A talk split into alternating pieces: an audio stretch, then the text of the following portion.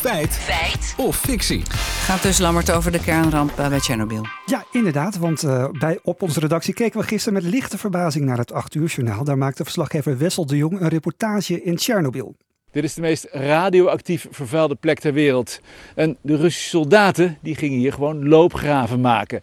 Geef wel aan dat ze geen idee hadden waar ze waren. Nou, dat het daar helemaal misging, dat weten we natuurlijk. Maar is Tsjernobyl inderdaad nog steeds de meest radioactieve plek ter wereld? Dat is de vraag, hè? Ja, dat zijn we gaan checken. Maar voor wie toen nog niet geboren was, eventjes terug in de tijd.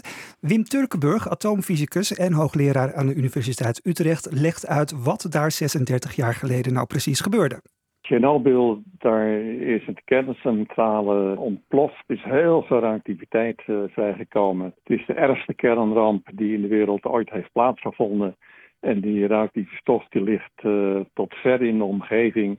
En die is zelfs uh, tijdens de ramp uh, tot in Nederland, maar ook in Lapland bijvoorbeeld terecht uh, gekomen. Oké, okay, 36 jaar geleden dus.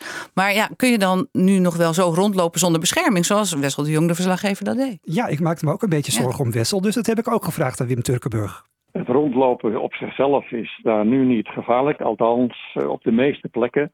Er zijn bepaalde plekken die zijn echt nog afgeschermd, zogenaamde hotspots.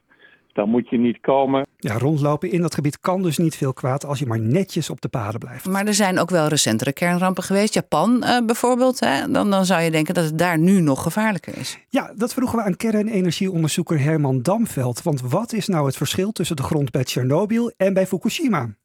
Het grote verschil is dat Fukushima ligt aan de zee. Dus bij de verschillende windrichtingen die er toen waren, betekent dat dat een grote hoeveelheid radioactiviteit gewoon in zee terecht is gekomen. En bij Fukushima is er ook een geringere hoeveelheid radioactiviteit in totaal vrijgekomen dan bij Tsjernobyl. Ja, bij Fukushima kwamen dus veel minder schadelijke stoffen vrij. Herman Damveld maakt ook een vergelijking met een radioactieve plek in Rusland.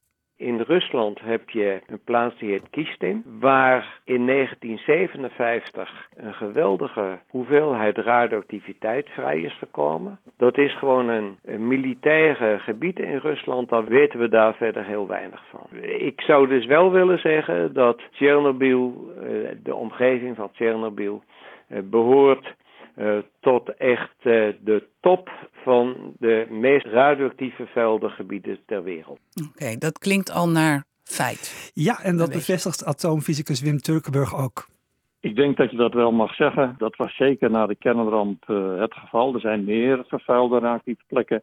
Maar de meest vervuilde plek was uh, en is waarschijnlijk nog steeds uh, Tsjernobyl. Dus je moet daar echt ja, niet gaan wonen in een gebied tot ongeveer 30 kilometer afstand.